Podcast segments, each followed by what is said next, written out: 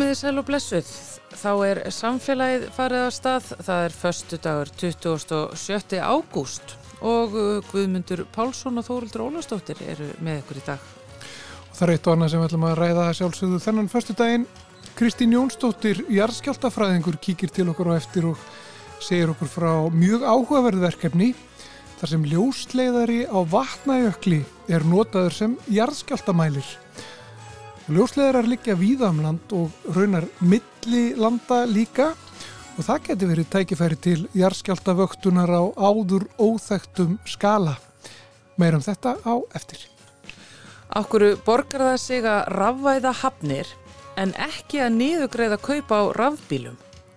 Hagfræðastofnun hefur gefið út skýrslu þar sem kostnaður og ábati af nokkrum helstu aðgerðum stjórnvalda í loftlagsmálum er metin og það kemur eitt og annað forvitnilegt í ljós eins og við komum staði í spjallokkur við forstöðumann stofnunarinnar Sigurd Jóhannesson hér á eftir. Svo ætlum við að gera dýraspjall, við ætlum að endurflytja mjög forvitnilegt dýraspjall. Já, Guðni Vala Þorstinsdóttir kom til okkar síðasta vetur í dýraspjallið. Guðni er örveru sérfræðingur, grjótætu sérfræðingur eða geimlífræðingur. Þetta eru forvitnilegi titlar sem hún er með og hún ætlar að segja okkur frá hinnum mögnuðu og lífsegu örverum. En við byrjum á vatnajökli.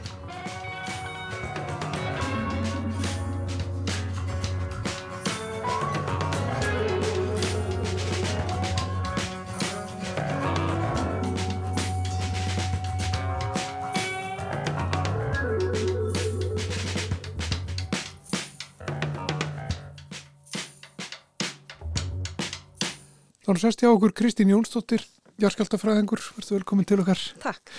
Okkur langaði að ræða við þig um verkefni sem þú tókst átt í, Já.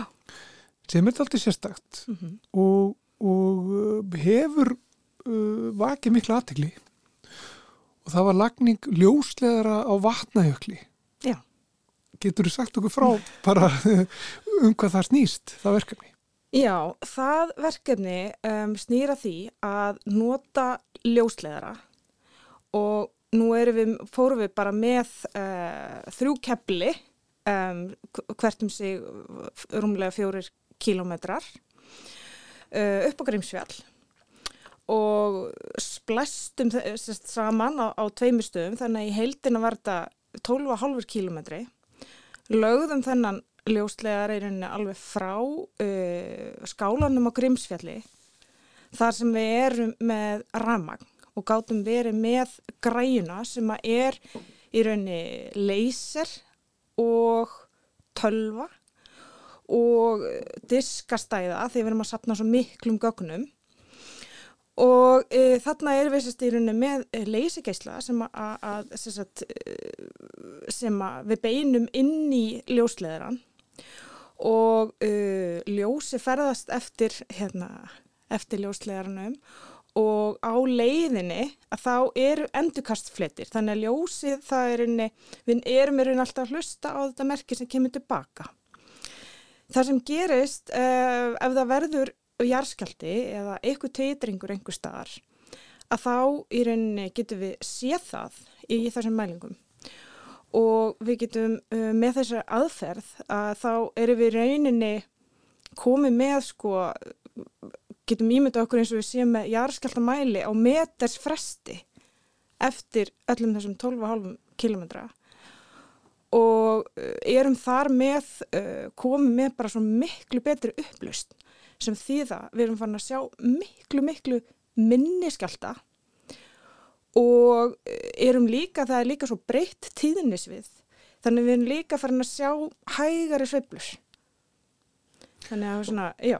Já, býtu ekki þú útskýrt það betur, já, hægari sveiflur. Já, bara, sko, ef þú, bara, ef þú ímyndaðir einhverja sveiflu sem að tekur einhverja sekundur, að þá er rauninni við erum komið með, uh, getur farið að, sjá í rauninni, já, bara lengri, lengri sveiflulengt.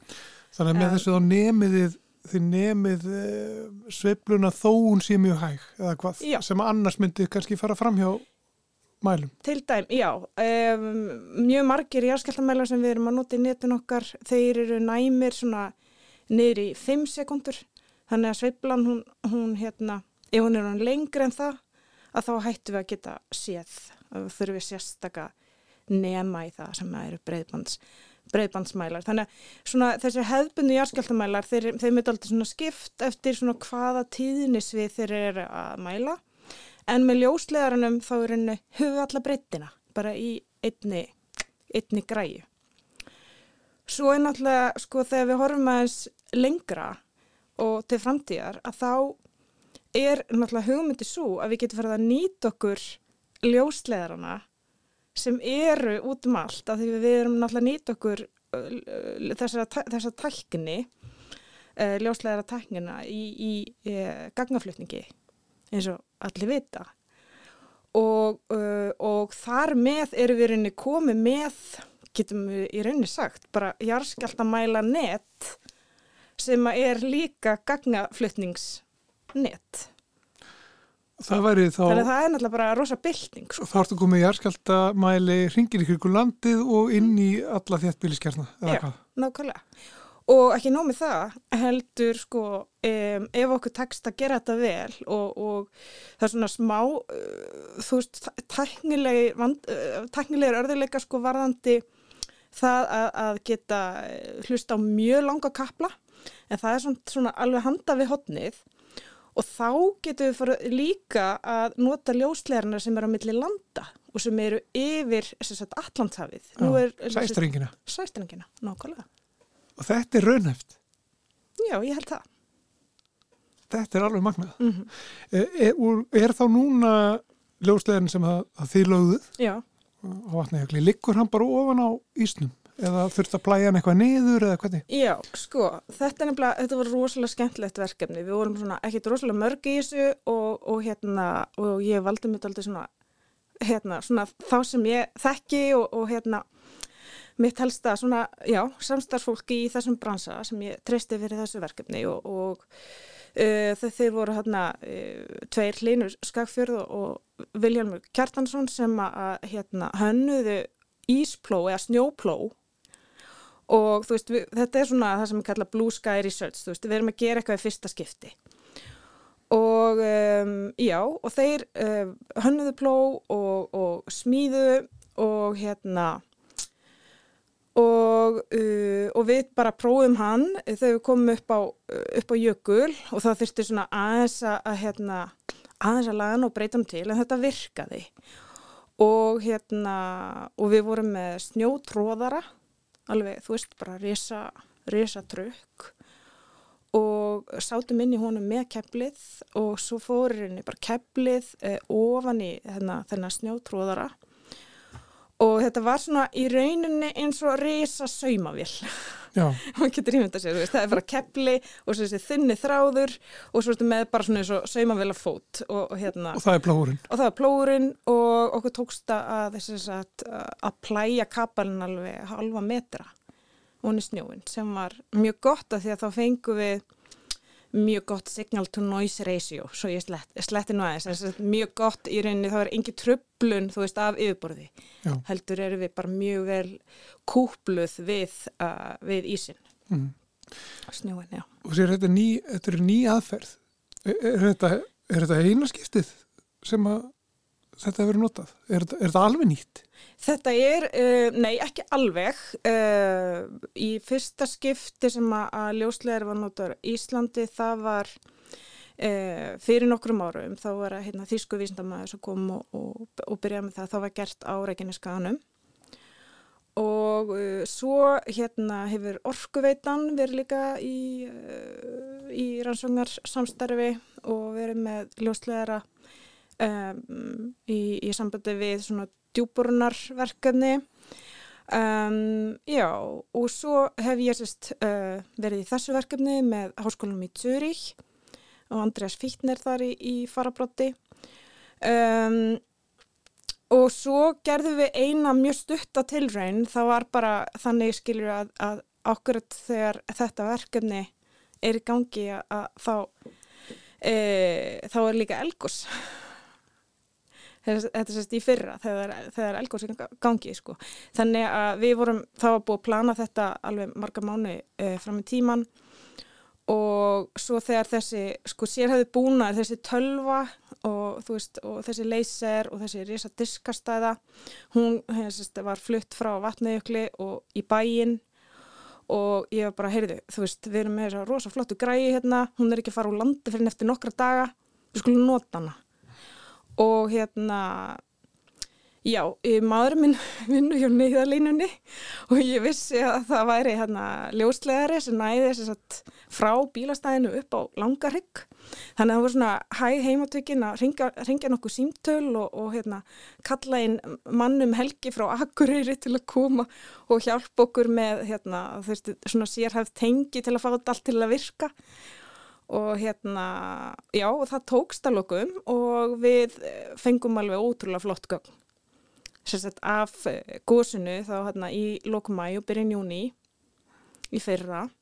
Þegar virknin var svona púlsenandi, voru svona tvekja mínuna hérna góðstrókar og hérna já, þannig að það var það er alveg einstök gögn sko. Að þó þetta hafi bara verið í nokkri dagar að þá er þetta rosaflott gögn og við erum ennþá en það verið að vinna úr þeim það er einni Um, svona gefa okkur ennþá hærri upplöst þá á þessum elgósa óróa sem að, sem að já, við, við mælum e, þegar gós er í gangi sérst, og mælum á járskjaldamælum. Þessi ljóslegari á vatnajökli hann, hann um, er mjög næmur mm -hmm. sem, sem járskjaldamælir, ekki satt?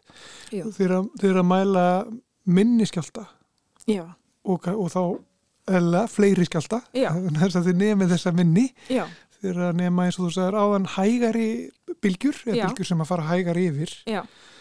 Um, er eitthvað sem að kemur ykkur á óvart þegar þið sjáu þessi gögn? Er eitthvað nýtt?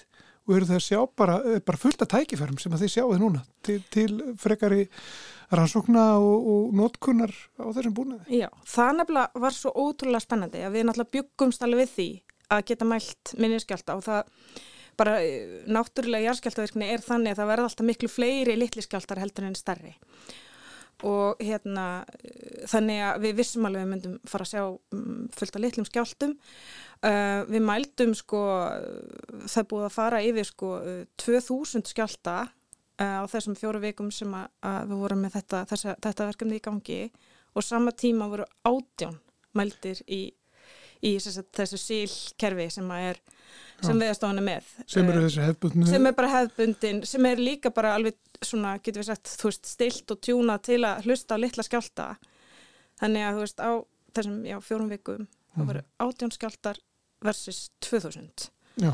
og til viðbótar voru 65.000 mjög litlir atbyrðir sem að er ekki beint skjáltar heldur líklega bara sko ís, uh, íshrun fram af Grímsfjalli svona snjóflóð og slíkir svona minni atbyrðir. Sem er reyfing og þá ykkur, ykkur titringur eða eitthvað slíkt já, sem, a, já, sem, sem að við sjáum bara í rauninni bara í hluta af kaplinum. Það sem rauninni, það sem við getum séð er í rauninni fjallagð eftir kaplinum uh, sem fall af tíma. Þannig að, þannig að þegar við sjáum eitthvað merki, þú veist á kaplinu og getur sagt, aha, þetta er uh, cirka 7 km frá Grímsfjalli. Já, það getur staðsett Þannig að við getum staðsett þannig.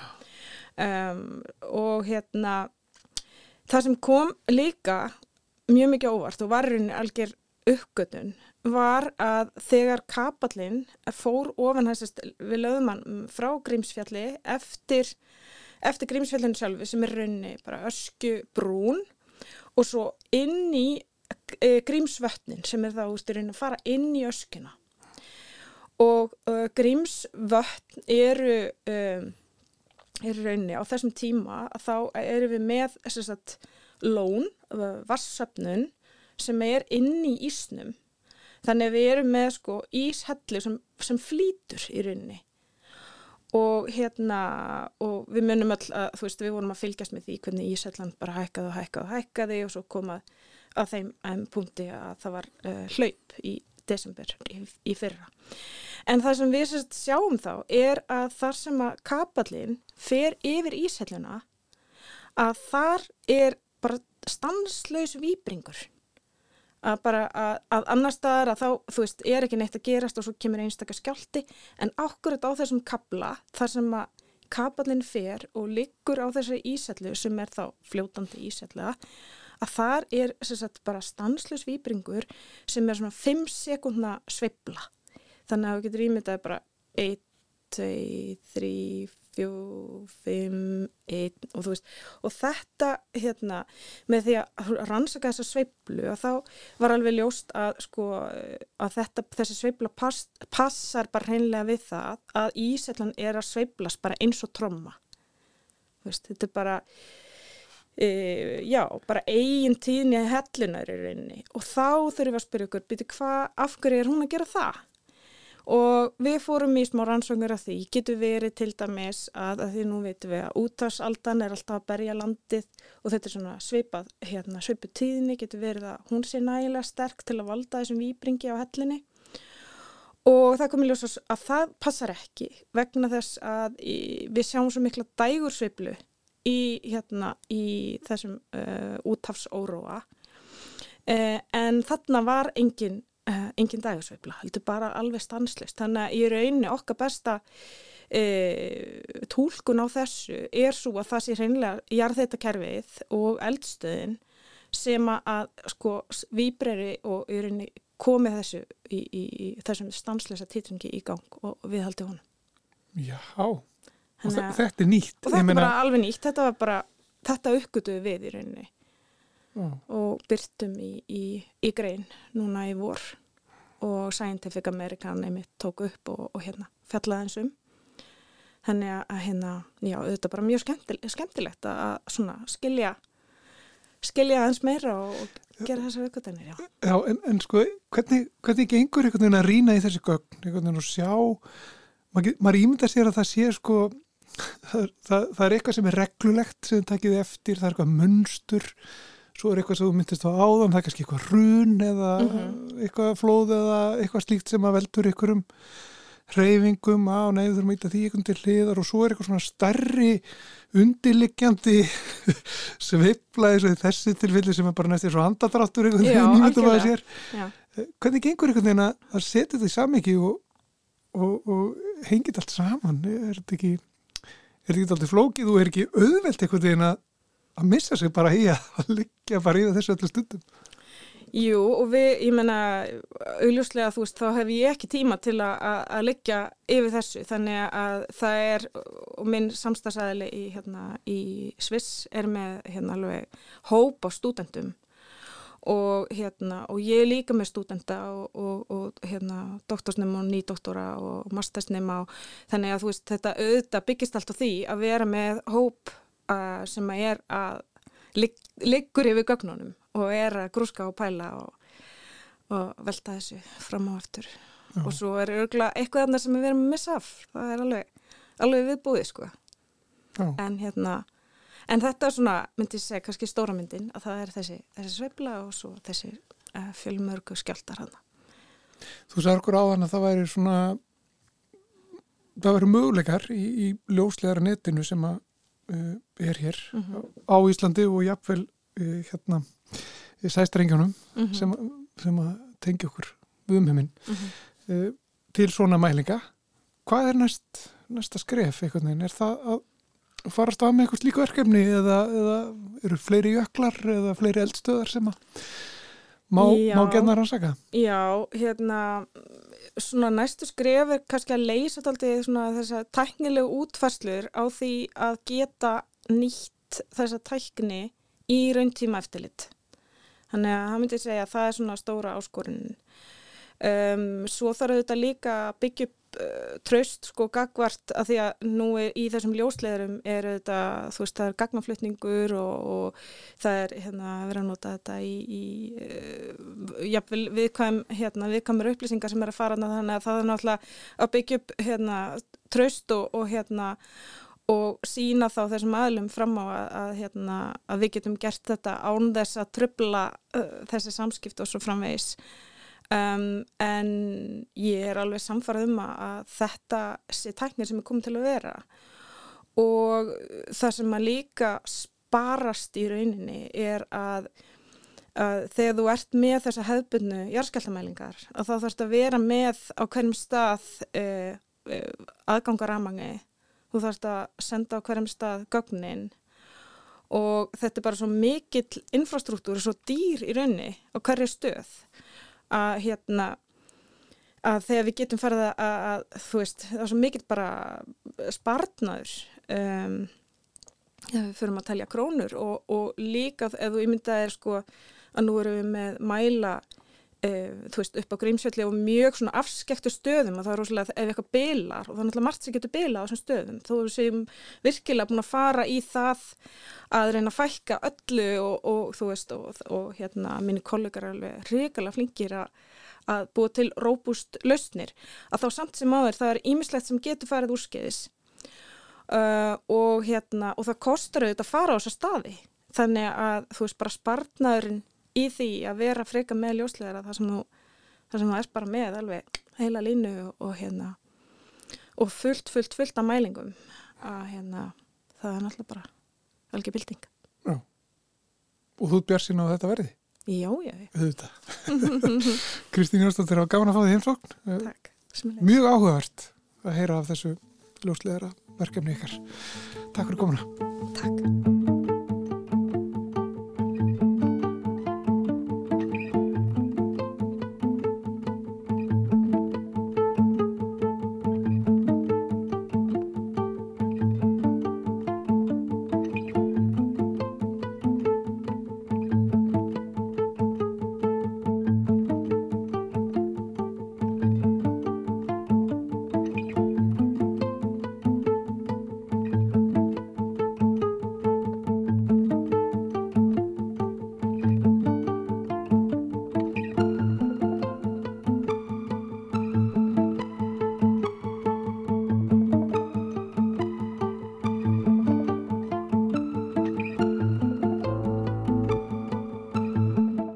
Stjórnvöld kynntu aðgerða áallun sína í loftlagsmálum fyrir um tveimur árum. Í kjölfarið var svo Hagfræðistofnun fenginn til að leggja mat á kostnað og ábata af þessum aðgerðum sem og skoða áhrif þeirra á einstaka þjóðfélagshópa. Sestur hjá mér Sigurður Jóhannesson, forstuðumadur Hagfræðistofnunar og við ætlum að skoða þessi mál. Sæl Sigurður. Já, blessuð. Þið eh, rýnduð í, í svona nokkra aðgerðir sem eru á lista stjórnvalda og bara reikniða út hvort það borgar sig að fara í þar og sjáu til dæmis þannig að það borgir sig að rafvæða íslenskar hafnir en það borgir sig ekki að framleiða grænmeti innanlands. Sko, Sigur, hvernig reikna maður eitthvað svona út? Já, það er nú erfitt að lýsa því í fáum orðum en, en hugmyndin er svo að allt sem hefur áhrif á velferð eða velíðan okkar það sé, reikna, sé inn í þessum reikningum. Þannig að e, til dæmis e, skoðum borgarlinna, hún hefur brú yfir fosfók, hún hefur áhrif á, á ásýnd voksins. Ef vel að vera þá ættu við að, að, að meta þetta, þetta er sko ekki, þetta er ekki peningaleg áhrif á, efnaleg áhrif á fólk sem horfir á þessu brú en við ættum að það er, það er til aðferði til að mæla þá áhrif eh, til dæmis svona framkvæmda bara á uh, líðan þeirra sem, sem horfa á mannvirkin. Mm. þannig að allt, allt á að vera talið með. En, en það er nú kannski er það ansið langt máli ef ég ætti að tellja upp allt sko. En, en málið er að, að við erum ekki bara að hugsa um sko, peningalegan ábata sko, eitthvað sem verður sem afleiðing af viðskiptum millir fólksæltu líka bara allt annað sem hefur áhrif á velferð og, þar á leiðandi er náttúrulega þar á meðal er náttúrulega þessi loftslagsáhrif sko, sem við metum, verðmetum. Sko, það er alltaf einhver vafi um það hvernig á að sko, hvert verð, rétta verðið er. Það, er það getur verið svona leikið vafi á því sko. Já, ég get skilið það því að það eru náttúrulega margir sem segja að það bara sé ekki hægt að horfa í auðra þegar það kemur á baráttunni gegn loftslagsvanni þarna er náttúrulega um framtíð jarðar að ræða og það er bara ómetanlegt. Já, já, ef það væri sko þá væri um, bara einfalt að telja bara tonnin sem sparast í hverja aðgerð og uh, við myndum bara um, sem, mælirinn væri bara þessi tonnafjöldi og, og við þyrstum í sjálfsveit ekki að líta á margt annað en en af því að við lítum svo á að þrátt fyrir allt þá hafi lofslagsáhrifin einhvern endanlegt verð þá verður þetta miklu flóknara sko. Og við teljum að þetta verð sé eða það verði sem við notum það er verði í, í, í viðskiptum með losunarheimildir á, á Európumarkaði flugfélög og, og stóriðjan er að getur vesla með, með heimildir. Mm. og sko útgáðan á þessum heimildum það dreigið úr sagt, veitum heimildum á hverju ári og hún er með við það skils mér að, að hlín, lofslágjörðinni hlín ekki meira en, en um tvær gráðu frá því uppafi innbyltingar sko. það er þá áttu að aðrir grípi til sig bara ráðstafana, sko, þetta er ekki bara Európubúar sem þurfa að gera þetta heldur allir aðrir Þannig að þú ert að lýsa, þetta er allt reiknað innan ákveðins ramma og gefnum fórsendum sem Já. eru náttúrulega ekki beinlegs og lausulofti greifnar, þetta er svo sem allt saman til og þetta er ekki bara peningar, þetta er líka hérna bara það sem að fæst með því að laga þetta. Já, allt sem eru áhrif og okkar bara veliðan. Sko. Já, þá skulum við kannski vind okkur einmitt í að skoða það sem að þið eruð að finna út og byrjum kannski á að rína í þær aðgerðir sem að borga sig að fara í af þessum aðgerðum sem að stjórnvöld vilja ráðast í. Og þar hérna nýtur maður fyrst um rafvæðingu hafna sem að ég hafði bara ekki gert mér grein fyrir að væri svona ábatasum. E, já, já, hún er það samkvæmt okkar regningum ef, ef hérna, sko, rafvæðing hafna gengur út á það að skip koma í höfn og þeim er þá stungið í samband við við rafmarskerfið okkar þannig að ljósavélarna þurfu ekki að vera í gangi og, og hérna það þurfu ekki að það, mynd, það kemur þá ekki hérna verður ekki, verður ekki losun á þeim sögum að meðan, meðan skipin staldra við í höfn. Þetta sínist okkur að, að sé mjög ábata sem aðgerð það verður að hafa smá fyrirvara og sömarhafnir eru byrjaðar á þessu já, já. svona það sem gæti hamlað sumstaðar er að, að skipi eru náttúrulega ekki alltaf í höfn og þau, þau nota mikið ramag þegar þau staldra við og það getur verið að sko dreifikerfi ráð ekki við að senda það ramag, senda það ramag sem skipi nota nákvæmlega þegar þau eru í höfninni Já. og uh, af því að þau eru kannski ekki í höfninni langan tíma þá er ekki víst að það borgi sig að því gefnu að leggja sko stærri vír í uh, bæinn sko, ég veit ekki Ísafyrði eða einhver staðar sko já. að hvort að borga sig að, að uh, og það er mikið að skefna fyrir skipum sem kemur á sömrin en, en uh, og náttúrulega mikið að skipum svona alltaf í höfninni svo sem sko en, en það er ekki gefið að það borgi sig að, að leysa að, að leggja nýja línu sko af því að, að skipin er ekki alltaf þannig sko. En þetta er greinilega sko eina af þessum aðgerðum sem að maður allan strax nýtur um og bara eitthvað já, þarna er til mikils að vinna. Og svo er úst, alveg fleira þarna, úst, það er fengun kólefnis frá jarðvarmavirkunum sem er náttúrulega Já, mjög spennandi verkefni. Mjög spennandi verkefni og þeir náttúrulega meti það sem hafði kvæmt Já, með þeim fyrir vara við náttúrulega byggjum alveg á upplýsingum frá þeim sjálfum sem standa í þessu með gáðst að lefast um það svo sem sko. Og svo eru það eh, kólefnisgjöldin svona kólefnisgjöld og kólefniskvótar sem að þið eruð svona á að sé borgið sig. Já, mest, mest mælum svona mest með að, að hérna og þetta sé þá sem víðast þannig að eh, sko það sem hugmyndin með kólefnisgjaldi er að, að með borgið þá bara þann skada með greiði þann skada sem, sem valda með losunni Já. en eh, sko ekki meira sko. Og þá verðum við náttúrulega að hafa einhverja þá góða hugmyndum það hver skadin er. Já. og við erum með þetta viðmið. Við erum reynda með svona næmningreiningu í lókverðskabla þannig að sjá hvað verðið á, á kólumnistóninu þarf að breytast mikið til þess að við fáum aðra niðurstöðu.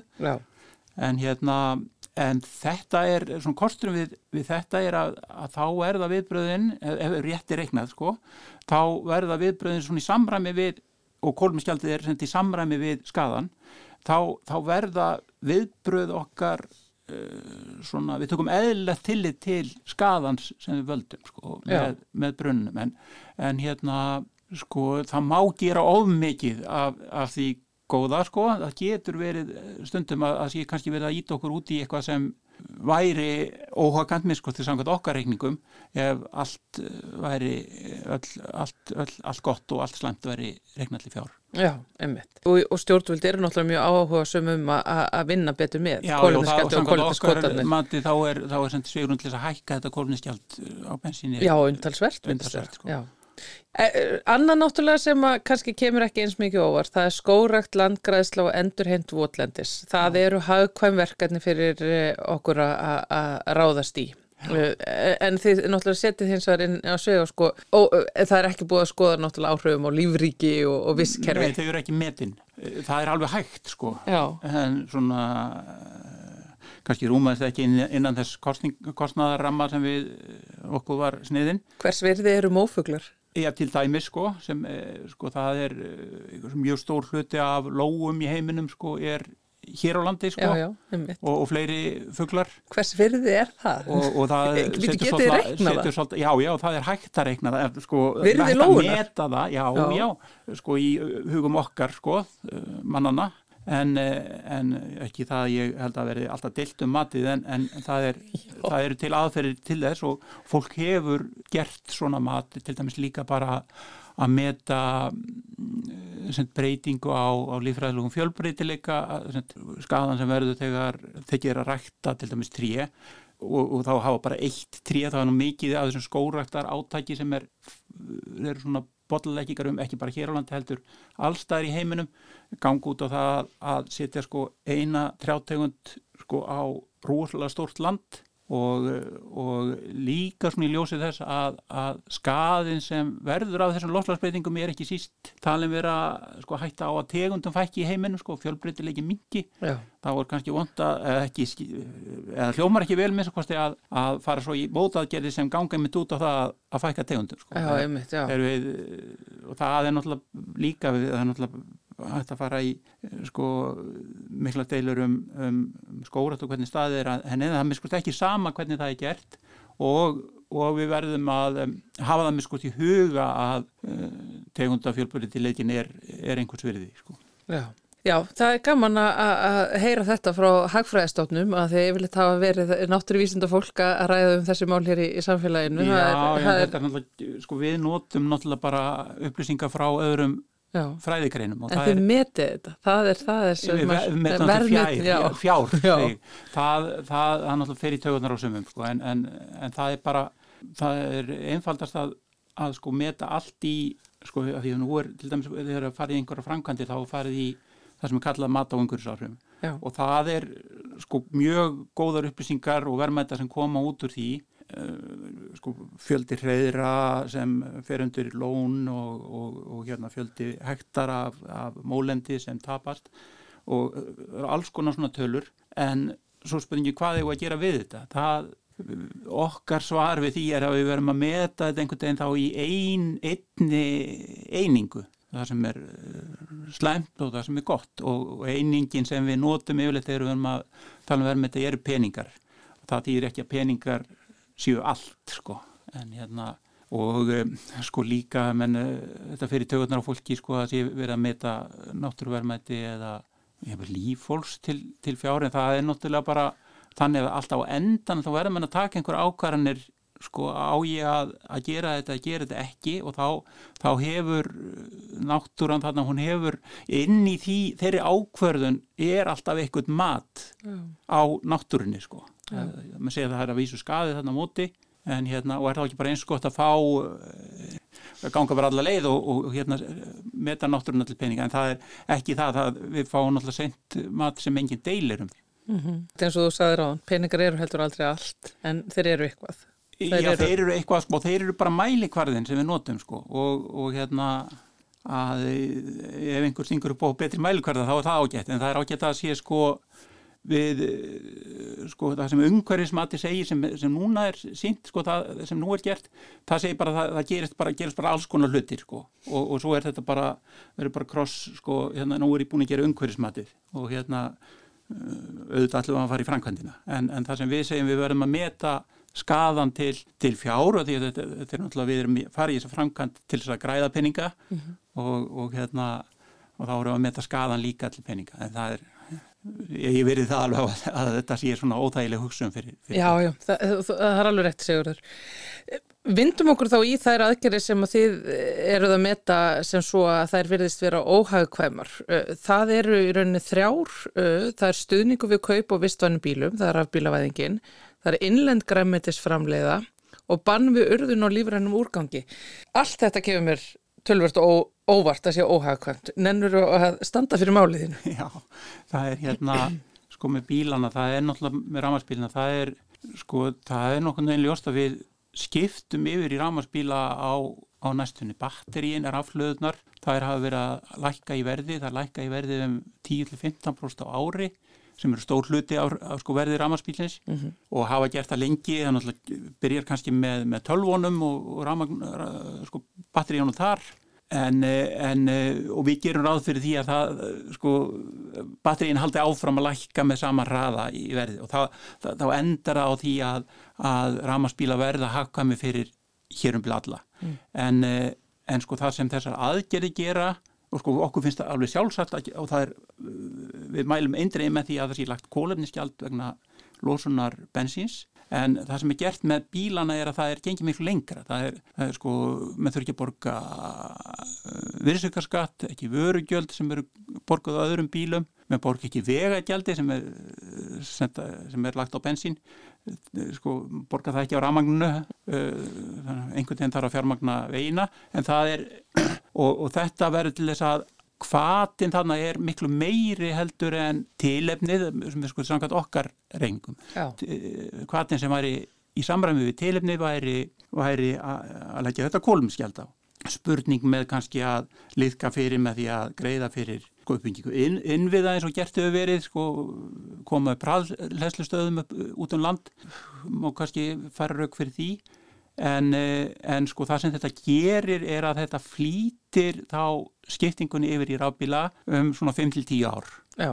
og hérna að okkar dómi verður þetta til þess eh, sem að því að þetta er svo mikið, þetta eru marga miljónur á hvert bíl sem er verið að greiða með hverjum rafmarsbíl á því meðtöldu að þá er ég að nú verið að sem sagt niðurgreifsluna á, á, á það að vegagjaldið er ekki innheimt sko sem er yfir líftíma bílsins. Og þetta verður til þess að menn sko kaupa ramarsbíla sem mundu líklega öllu samanlöðu sko eiga að kaupa bensínbíla sko ef þeir hefðu sko réttar kostnæðartölur fyrir, fyrir framansi sko.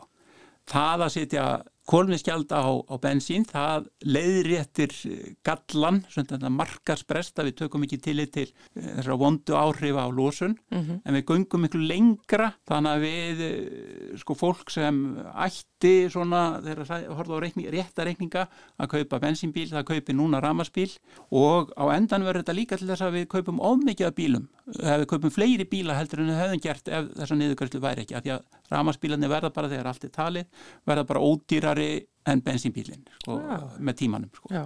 við reynda að gera ráð fyrir því að þessar sko, þessi meðgjöf hún haldist, hún er nú bundin í löggjöf og, og lög og, og hérna, hættir alltaf eftir halvt ár svo, eða eitt ár eða hvaða nú er. Svo er eftir þessum lögum verið, þessi lög hafa verið fram, framlengt en við gerum ráð fyrir því að, að þau sem, meðgjöfin haldist óbreytt til 2030 Já, og svo bendið líka á að bættar almenningssangöngur nýtist best fólki með litlar tekjur. Já, já, já, já, það er svona svolítið annað mál en kostnáður og nýtjakaringin, það er sem hvernig þetta skiptist millir fólks.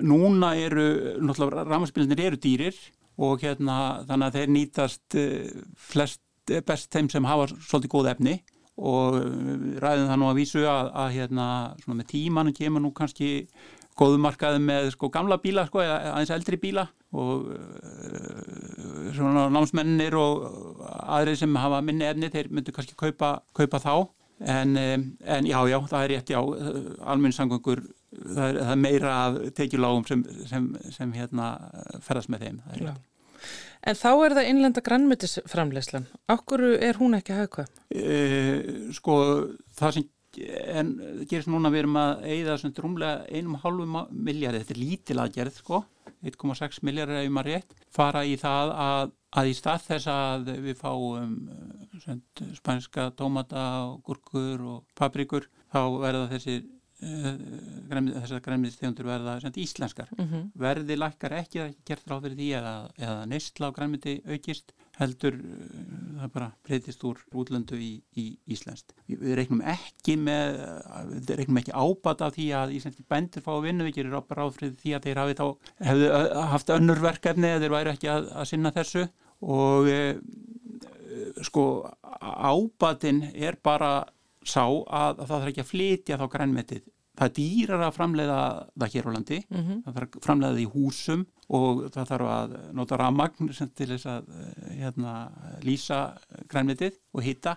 En, en það sem við fáum í staðin, það er það að við sleppum við flutningin og, og sleppum þá við losununa sem, sem af henni veldur og við gerum ráð fyrir því að, að þessi, þessi losun sem, sem við síðan sækjast eftir og það eru kannski samkvæmt okkar verðmati á losunni sem á vissulega delum, þá er ábatinn svona kannski að það er gráðinu 200 miljónir Mm -hmm. í frankant sem kostar 1,6 miljardar þannig að megnið af þessu er, er bara sógun að, að okkar dómi eins og við reiknum það svo getum við deilt um það hvernig um aðferðinar. Já, já, og verður eflug skert. Og að lokum, Sigurður, annars þriði aðgerðin sem að þið eru að me meta ekki hagkvæma, það er urðun uh, lífrans úrgangs. Uh, já, það reyndar fyrir svolítið eftir því hvernig fólk bregst við aðgerðinni. Uh, það er sko verið að bæta við uh, tunnum og ef, ef þetta verður bara þannig að það verður viðbót, fólk bætir við einni tunnu í viðbót við þessar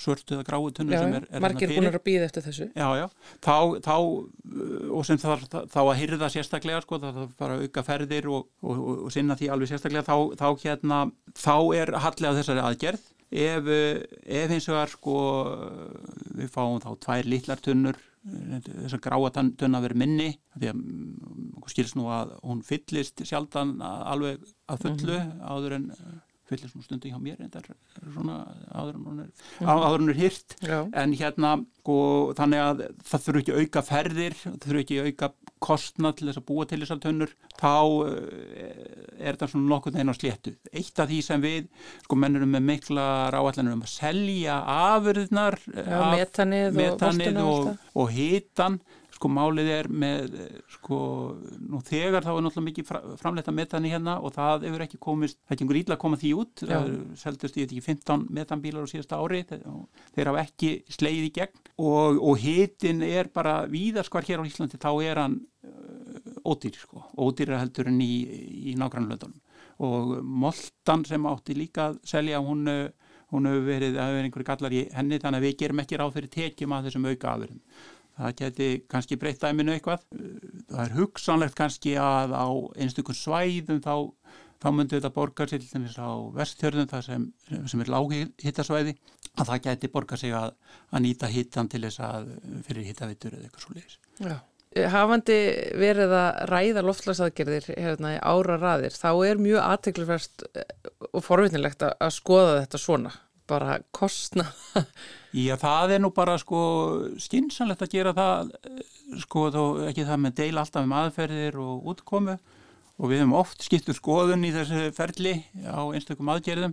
Ef við bara fáum nýjar upplýsingar þá, þá, þá skiptum maður um skoðun og hérna, en það er skynsalegt að gera þetta. Það, það, og, til dæmis, hérna, það er oft búið að skamma Íslendinga OECD sem er náttúrulega framfæra stofnunin gefur út skýrslum Ísland á hverju ári. Það er árvis passi sem þið þurfa að beita meira kostnar og nýtjagreiningum til þess að sína, sko, til þess að aðtuga það hvort hérna aðgerðinar eru skynsanlegar eða ekki. Já Og þetta er þá ykkar innlegg í það hjá ykkur í Hagfræðistofnun og, og, og svo er bara að sjá hvaða tillit stjórnvöld taka til þessara greininga ykkar í öllum þessum aðgerðum sem að þau ætla sér að einhenda sér í til þess að vinna gegn loftlagsváni. Fylgjast áfram með því. Sigurður Jóhannesson, forstöðumar Hagfræðistofnunar. Takk hella fyrir spjalli hérna í samfélaginu. Takk svo mjög. She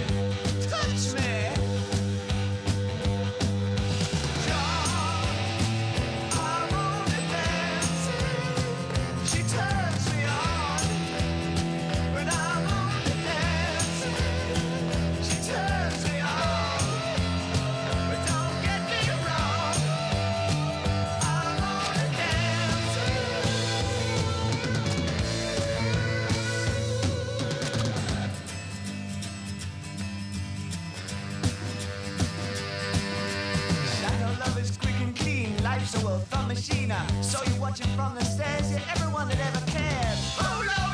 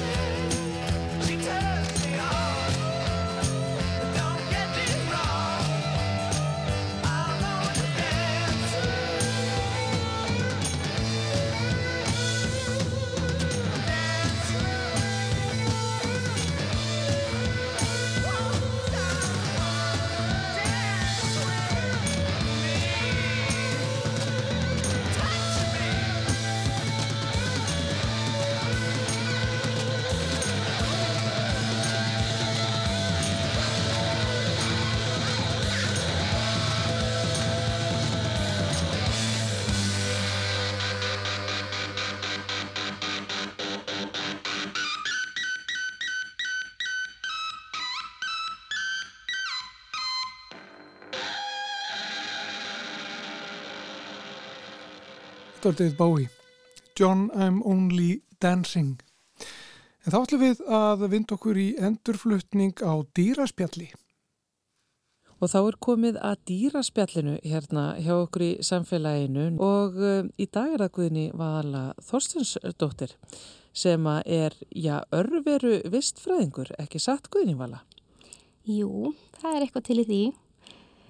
Um, já, mér langaði þess að spjalla aðeins um hérna grjótætur eh, við ykkur. Þetta er svona, um, við erum ótrúlega svona föst í því að hugsa lífið svona út frá okkur sjálfum. Vi, við þurfum að hérna borða mat til þess að lifa og framlega orku og, og við þekkjum það mjög vel hvernig hérna plöntur framlega sína orku. Það er ljós til lífa og, og, hérna, og nota koltjóksir úr, úr, úr andrumsloftinu. Mm. En svo er nefnilega til eh, heil heimur af lífverum sem að geta satt uh, framleitt orkuna sína á, á allt annan hátt heldur en við erum svona vöna að pæla í. Og, hérna, og það er til dæmis þá um, þessar grjótætur sem við tölum um. Og hérna örverunar eru ótrúlega misjafnar eins og þeir eru margar. Um, en það er nefnilega bara svo ótrúlega merkilegt að hérna, það séu þess að til örfuru sem að þurfa til dæmis ekki sólaljós uh, og þær þurfa ekki að borða aðrar lífverur eins og við þurfum að gera. Og eru þar leðandi náttúrulega bara mjög ólíkar bara öllum öðrum eiginlega svona lífurum, eða ekki? Jú, þannig að þær eru sem sagt eh, efna tillífandi í rauninni. Þannig að þær geta nýtt sér ólífræn efni til þess að búa til orku. Og þetta er eiginlega bara ótrúlega magna fyrirbæri að, hérna, að pæla í þessu þannig. Þannig að þær geta sérst verið að nýta sér eh, efni eins og bara til dæmis játn eða brennistinn eða eitthvað svo leiðis. Já. Mm, þannig að hérna, Þetta er, en þetta eru náttúrulega þetta eru sérstakar lífverur, þetta eru örverur, það er, það er, ekki, það er ekkert svona innan svona í stærri, í stærri hlutvöllum sem að er að gera eitthvað svona. Nei, kannski ekki. Þetta er náttúrulega kannski alveg þannig að hérna, við þekkjum það til dæmis alveg sjálf og við þurfum uh, að nota játn. Mm. Uh, við þurfum að hafa játn í blóðin okkar bara til þess að, að hérna, flytja súrefni á milli þannig að við þurfum nöðsynlega að nota játn. Uh, en síðan eru þá til dæmis uh, svona örfurur sem að geta geti grjót eins og við segjum Mm. að þá eru þær að hérna, e, finna játn úr e, grjóti til dæmis bara til þess að borða og til þess að vaksa og það kannski myndi ekki virka jafnvel fyrir okkur, við getum ekki farið út bara eitthvað að geta grjót og, og hérna, verið mjög ánað með játni þaðan En er það þá sem sagt þannig að hverfur grjótið sem það er geta, ef ég myndi setja þessar örverur á steinasatnum mitt, myndi það geta klárað það bara þannig að það myndi hverfa á einhvern löngu tíma? Já, þetta er reyndar mjög góð spurning sko að því að við tölum oft um e, sagt, eins og grjót veðrist Mm. þannig að það getur verið að brotna niður og það getur verið e, að breyta um lögun eða breyta um lit eða eitthvað svo leis og það er bara mjög oft sem það eru um eitt örfuru sem er að taka þátt í þessu ferli. Við hugsum oft um þetta á svona, svona jarfræðilegum skala þetta sé bara einhvers konar efnafræði þannig gangi Mm. Eh, en það er alveg þannig að það eru örfurur sem eru til staðar sem eru kannski að hafa áhrif á þessa efnafræði. Það eru kannski þær sem að eru að seita út einhverju síru eða eitthvað svo leis til þess einmitt að svona grafa eftir næringarefnum fyrir sjálfa sig. Og auðvitað er þetta þannig kannski að hérna, þær þurfa að vera í svona sérstöku umhverfi oft um, og aðstæðum. Sumar kannski vilja alls ekki hafa súrefni þannig að þær eru þá ekki að gera þetta kannski á steinasafninu þínu, bara það fyllt af súrefni það í kring. Um, en, en já, uh, þær eru vissulega að um, breyta þá í rauninni sko samsetningunni á uh, grjótinu. Og hérna, bara ef við tökum dæmi eins og hér á Íslandi að það er oft talað um að basalti hér á Íslandi sé játnríkt Já. um, og það er til dæmis steind uh, sem að kallast uh, magnetít sem er þess að játn og, og súrefnisatóm. Um, og það geta þess að svona játnætur eða grjótætunar, þær geta þess að verið að, að hérna, uh, borða þarna eitt svona játnatóm úr. Og þá breytist magnetítið yfir í það sem að kallast hematít þannig að þær eru raunin að breyta uppistöðu uh, grjótsins ef þær eru að, gera þetta. Algjörlega magnaðar lífurur, þessar örfurur, þannig að þú er sagt að segja ekki bara getaði grjót, heldur líka eins og þú komst inn á áðan, þá einhvern veginn finnast þar einhvern veginn allstaðar þar sem að maður skildi halda ekkert þrýfist. Allstaðar á jörðinni eru þessar blessuðu örfurur búin að bóra sér og viðhalda lífinu sallarólegar og sáttar. Já, algjörlega. Og hérna er kannski mjög gaman að nefna að þetta er til dæmis kveikjan bara því sem við köllum geimlífræði. Að hérna þá erum við sérst að hérna, vil, við viljum þekkja svona örfurur sem að geta lifað á einhverjum stöðum sem að við myndum segja væri mjög svona ólífvænleg. Og hérna, já, núna kannski á ég eftir að hræða einhvern en, en þær náttúrulega voru hérna lunga og undan okkur og, og þær munu alveg vera áfram á jörðinni eftir að hún verður ólífanleg fyrir okkur sko. Já, Þær munu bara hafa það fínt. þetta er lífið sem mun alltaf halda áfram. Já, algjörlega sko. En við erum alveg að pæla oft í þessu þegar við erum að hugsa um svona líf og öðrum hnöttum og eitthvað svo leis. Þá erum við að stúdira rosalega vel e, þessar örfuru sem að geta notað ólífræn efni um, af því að við þurfum einhvern veginn svona að þekkja bara hvernig þær virka, e, hvaða e, efni þær eru að gefa frá sér. Þannig að við getum nýtt okkur þessar upplýsingar til þess að leita að lífi á öðrum hnöttum og, og kannski viðbútt við það líka kannski um, hvernig við getum þá nýtt okkur þessar örfurur ef við skildum þurfa að flytja kannski til Mars eða eitthvað svo leiðis að þá hérna, myndum við vilja nota okkur um, nota þessast örfurur sem að geta geti grjót til þess að mynda að búa þá til einhvers konar líf. Þannig að við getum búið til jarðveg og, og farið að, rækta plöntur og svona.